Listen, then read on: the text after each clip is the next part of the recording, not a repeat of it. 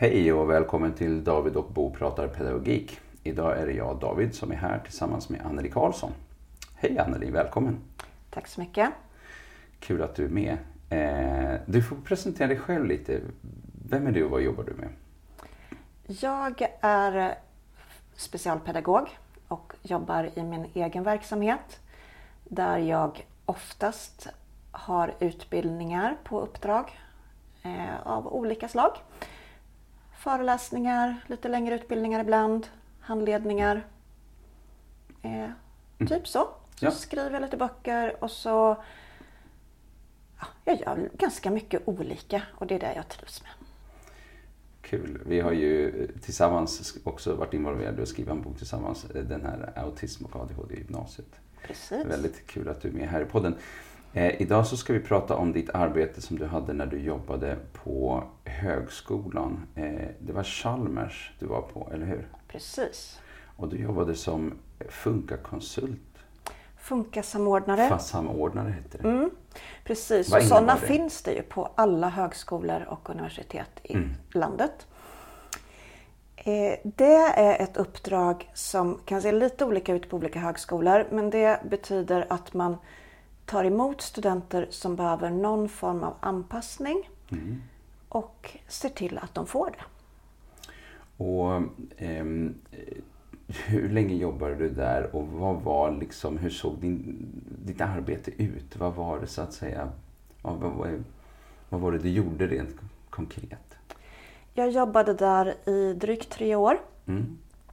Jag hade ett litet annorlunda uppdrag än, en del, än de flesta Funka-samordnare har på högskolorna. För jag hade förutom det här grunduppdraget ett utvecklingsuppdrag där jag fortbildade personal ganska mycket.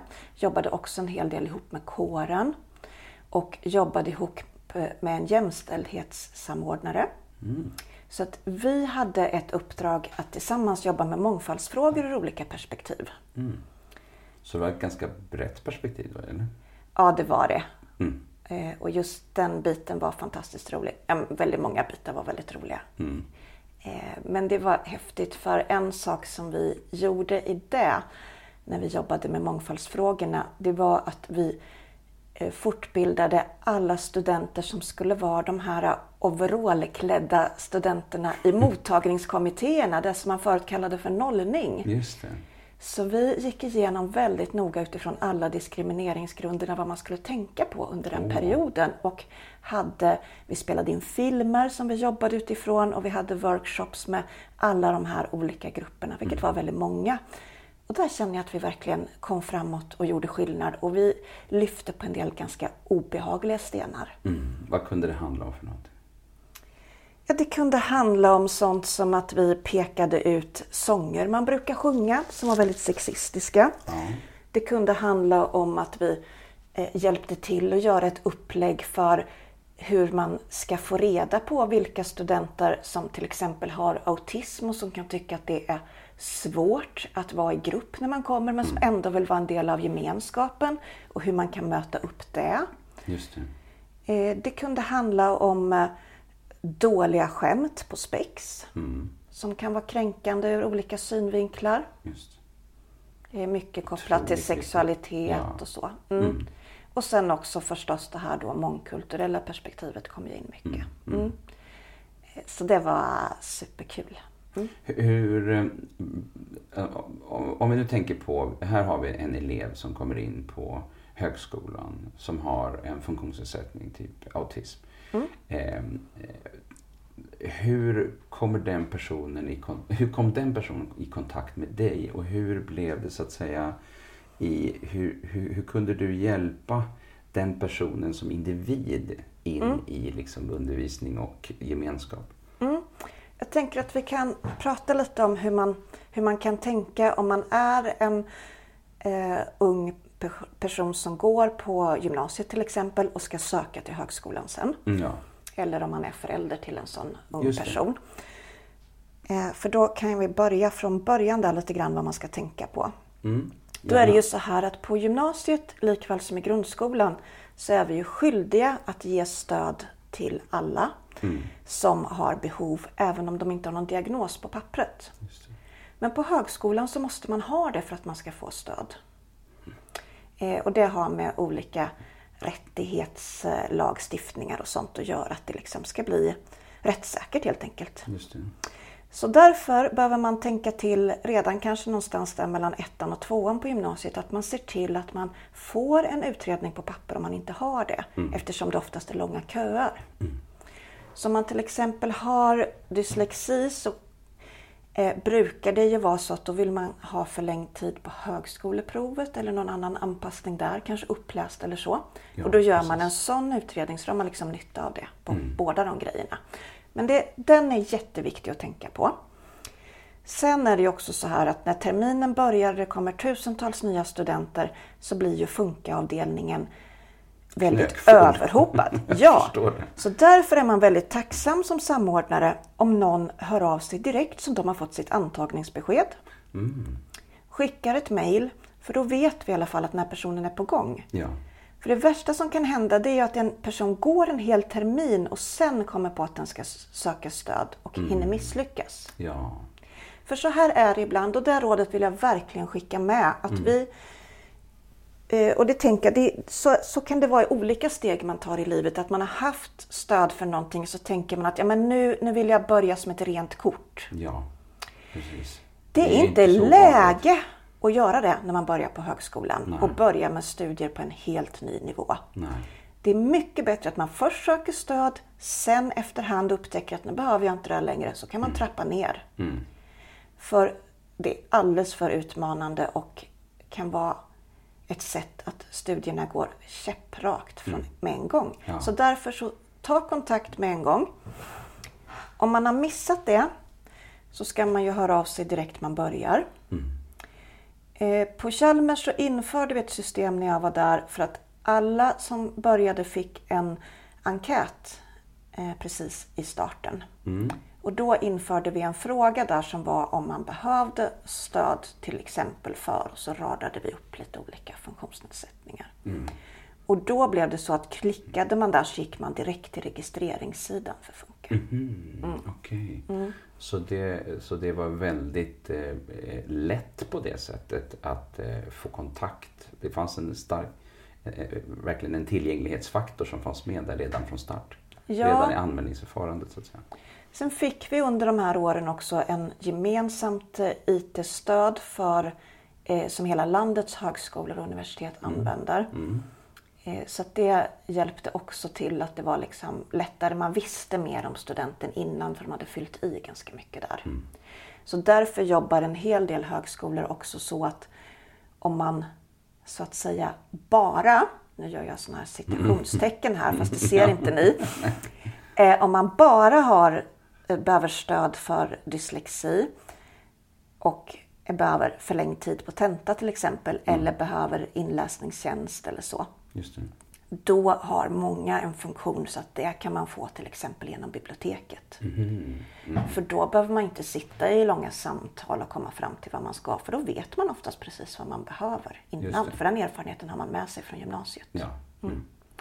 Så så jobbar många och det är ganska smidigt. Men sen är det ju en hel del andra som man behöver träffa.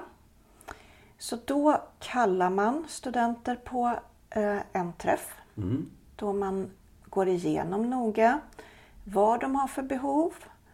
Och de berättar vad de har fått för stöd innan.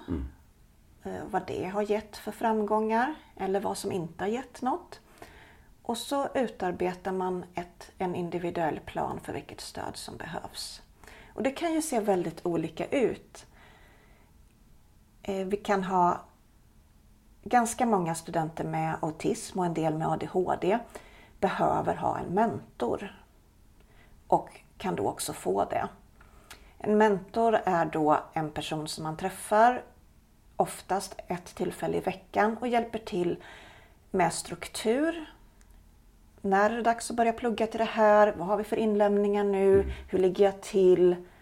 Alla de här sakerna. Det. Eh, Och mentorer kan vara väldigt många olika personer. Och jag tänker de flesta högskolor har brist på mentorer. Så nu passar jag på att säga till alla er som lyssnar att hör av er om ni vill vara mentor. Det behöver inte vara så att ni har en koppling till en högskola från början. Nej, inte ens det heller. Ibland använder man studenter som går på samma program, Mm. några årskurser upp. Och det funkar jättebra för en del. Mm. Eh, ibland, en del högskolor har heltidsmentorer som Mm. bara jobbar med detta. Och eh, sen så har vi också en del som jag tycker var de allra bästa. Mm. Oftast. Jag hade många bra. Men de allra, allra bästa som jag tyckte gjorde det så fantastiskt bra. Det var våra pensionerade lärare på Chalmers. För de ville ju inte sluta. För att jobba på Chalmers det är liksom ett särskilt liv. Det är en hel kultur man infamnas i. Så då fortsatte de med att vara mentorer. Wow, Så då hade de viktigt. några studenter var och så hade de någon dag i veckan de kom in och gjorde Mm. detta. Och de gjorde det så fantastiskt bra. Och hade, hade ni någon typ av Samlade ni dem ibland och pratade om det här med liksom funktionsnedsättningar och andra saker? Eller, alltså mentorerna. Eller, eller hur jobbade ni med mentorerna? Och Ja. deras kunskaper om man säger så. Eh, tanken var att vi skulle ha en grundutbildning först. Och sen skulle vi ha uppföljande träffar i grupp och erbjuda lite olika. Nu är detta något som är väldigt svårt att, att få till för att högskolan har också fått mer och mer begränsade resurser. Så så kunde jag och en kollega jobba under en period. Ja. Eh, Sen blev det svårare? Eller? sen blev det svårare. Aha. Ja, det var ju synd. Och så är det ju. Det är absolut inte specifikt för Chalmers utan det har varit så för att det är också statliga pengar som har eh, gått ner. Eller de har legat kvar rättare sagt fast det har blivit många fler studenter att dela upp det på. Så att på per person så har det gått ner. Eh, Men det som eh, var ett väldigt bra stödmaterial tycker jag som jag brukar dela ut till mentorerna det var eh, häften som Specialpedagogiska skolmyndigheten har tagit fram. Eh, Just, Just om hur, högskolan. Ja, precis. Just om det här mentorskapet, hur man kan göra och ett häfte man kan fylla i tillsammans med den student man är mentor för, så här, vad man har för mål Ja. och vad man har för, eh, hur ofta man ska träffas, när är det okej att höra av sig? Just det. Eh, är det okej om jag skickar sms på helgen eller får jag inte göra det? Sådana där saker som är Sådana väldigt saker. bra att veta. Mm. Men jag tycker att det här med mentorskapet, det var ju ofta det som gjorde skillnaden för att man inte hoppade av utan att man faktiskt fixade och fullföljde. Alltså så viktigt. Mm. För att eh, den enorma kapacitet ändå finns i alla dessa eh, personer som söker och som vill någonting och som sen kan göra väldigt viktig och stor nytta i samhället.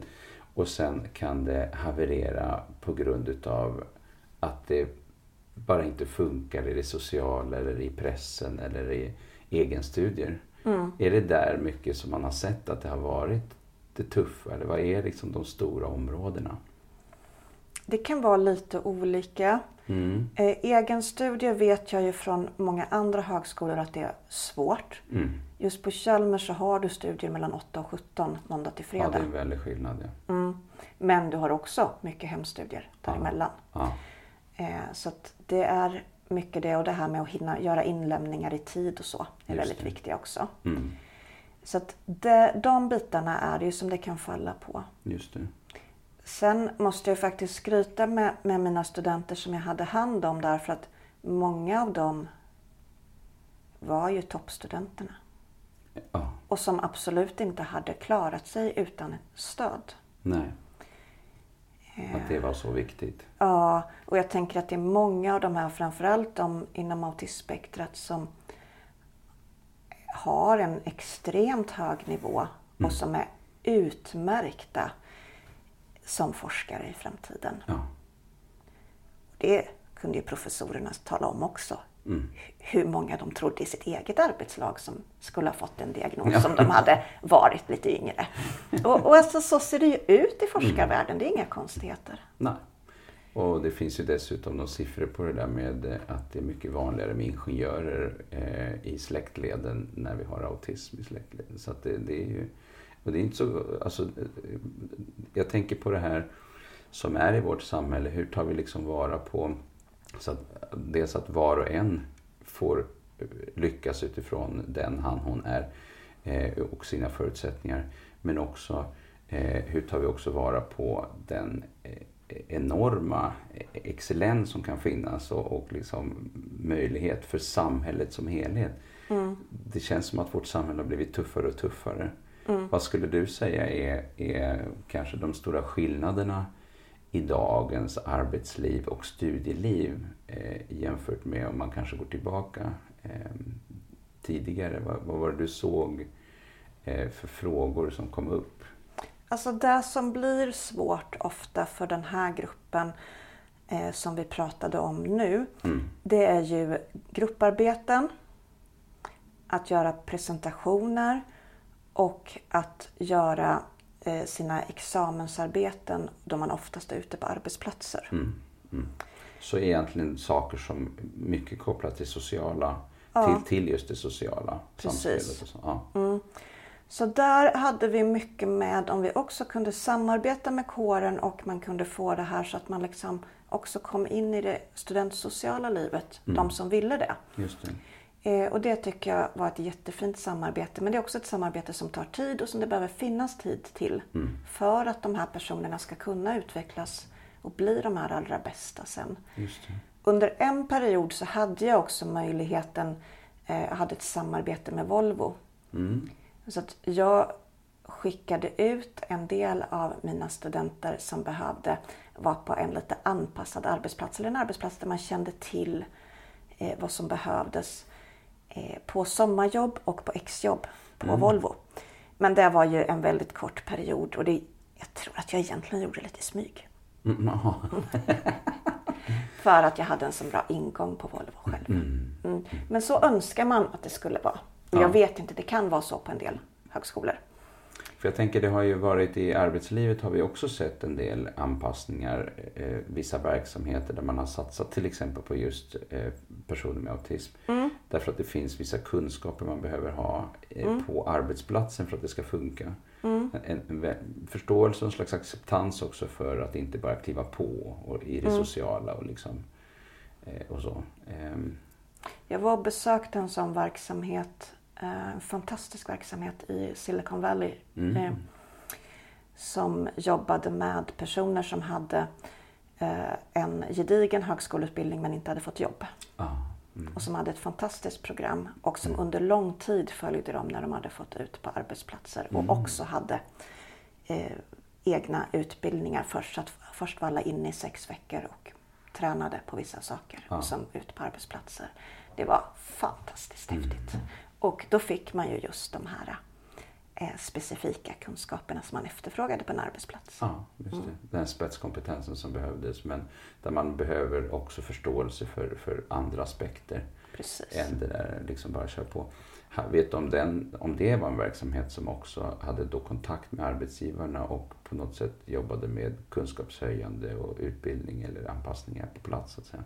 Absolut. Mm. Mm. För jag tänker att det är väl den dubbelheten som man behöver. Både jobba så att säga med individen och sen jobba med själva arbetsplatsen mm. så att man får Absolut. en matchning där på mm. något sätt. Och det var så jag hade möjlighet att jobba med Volvo också. Ja. Mm. Så om man tittar framåt så är det till exempel en sån här sak som man verkligen skulle behöva utveckla. Mm. Om man tittar på just den här gruppen elever. Absolut. Och det mm. görs mycket bra saker men mm. Kanske inte tillräckligt. Och så blir det så väldigt många misslyckanden innan man är där. Ja, just mm. det. Mm. Men sen tänker jag också att som funkar nu har vi ju pratat om studenter med dyslexi och vi har pratat om dem med autism och ADHD. Ja. Men vi hade ju andra grupper också. Mm. För jag fick ju ta emot alla och det var ju så bra för att jag hade jobbat i särskolan innan och då hade jag träffat alla med olika typer av fysiska funktionsnedsättningar. Mm. Som tilläggsnedsättningar där. Så då fick man fick också göra sånt där som att hitta på lösningar för liksom, hur får vi in en rullstol här och mm. gör det på ett sätt så att det fixas med brandskyddet. Mm.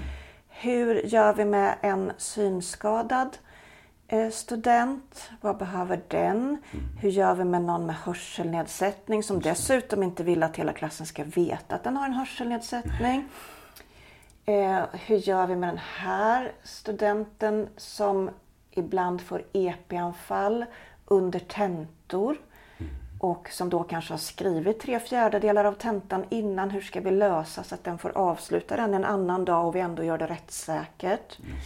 Alltså väldigt mycket sådana här olika puckar som var, ja men det var jättespännande att få ta. Det är ju väldigt eh, stort och liksom omfattande också när man tittar på mängden och, och, de olika typerna av frågor som, de, som då mm. kommer till den här verksamheten och, och den funktionen. Mm. Att det blir ett brett, brett perspektiv. Mm. Hur var det att få med sig eh, liksom lärarna på, på spåret, alltså de undervisande lärarna? Eh, hur, hur, såg den processen ut? Det var lite varierande. Mm. Och, eh, men det som jag tyckte var fantastiskt på just på Chalmers med den tekniska högskolan där jag själv har oerhört stor respekt för den här extrema kunskapsnivån som de här lärarna mm. sitter på. Ja. Alltså de är ju Nobelprisnivå ganska många, mm. typ mm. så. Hur de verkligen respekterade min professionalism. Mm.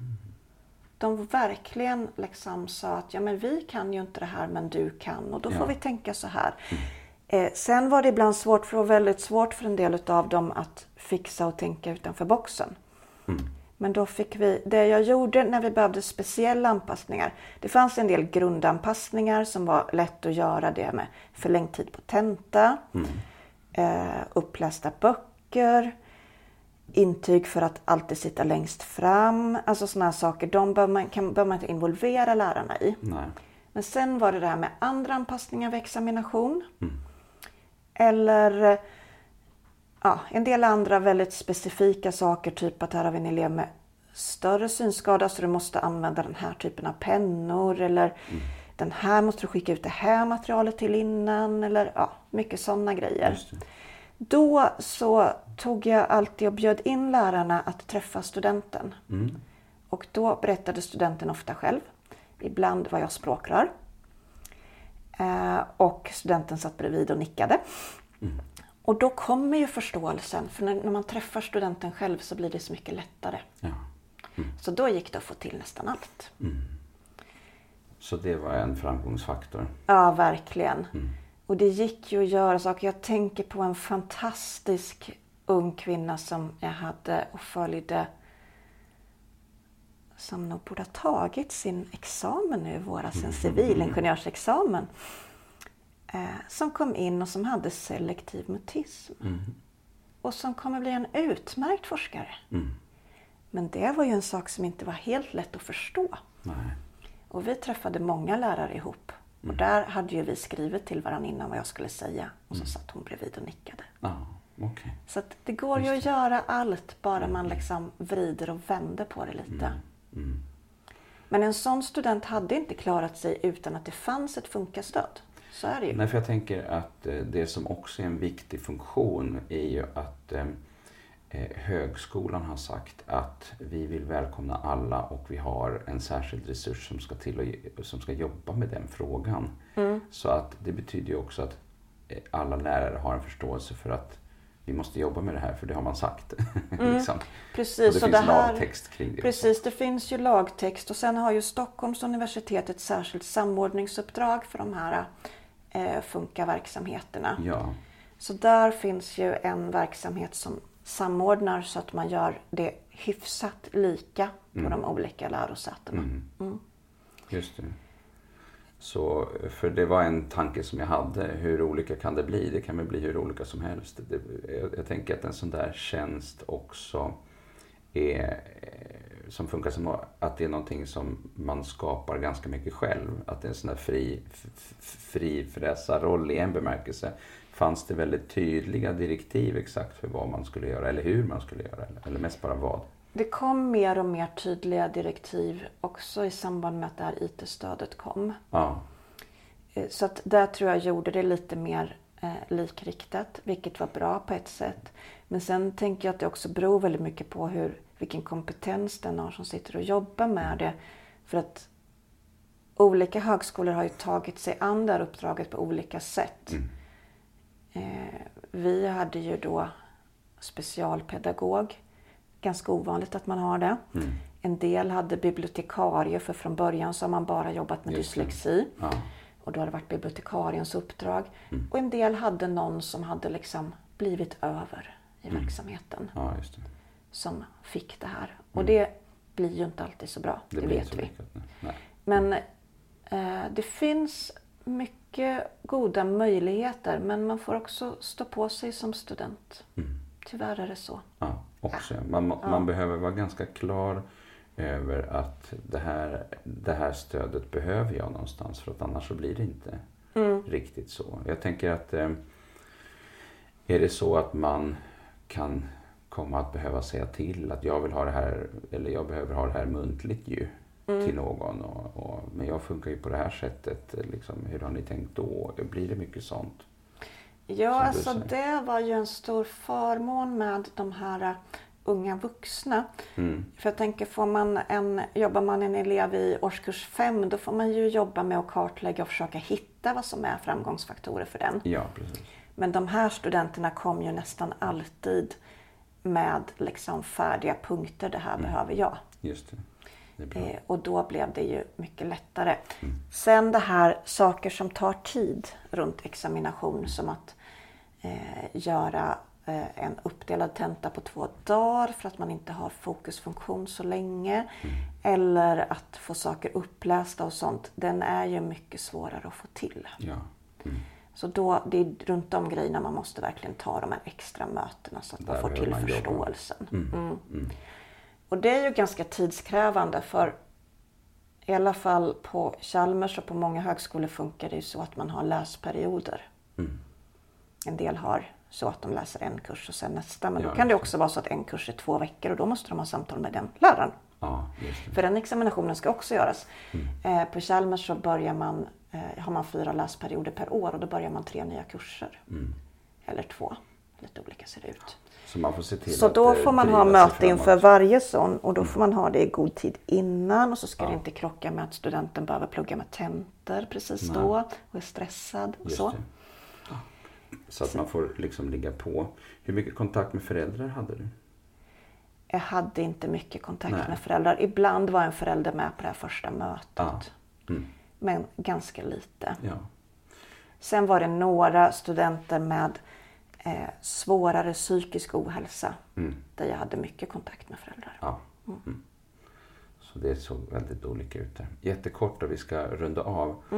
Ehm, eh, några jättekorta råd till eh, en blivande eh, student eller en student som, som också är på plats. Mm. Eh, och sedan till, till någon förälder. Vad skulle det vara? Ja, men, sök stöd i tid. Mm. Försök att tänka igenom innan vilka som är dina framgångsfaktorer, vad du behöver. Mm. Och se också till att själv ha en god kontakt med lärarna. Mm. Så att du kan ibland mejla och fråga om saker och så. Och försök att inte vara rädd med att visa vad du behöver. Det finns många studenter runt omkring som behöver stöd. Och eh, det blir mycket lättare om andra vet. Och det finns det ju faktiskt dessutom forskning på. Mm. Att det är så. Och sen tänker jag att ja, men verkligen det här, ta stödet från början och sen trappar du av stödet om du känner att det inte behövs. För i allmänhet så är högskolestudier svårare än gymnasiet. Vi avrundar där. Tack för att du kom. Tack så mycket. Tackar.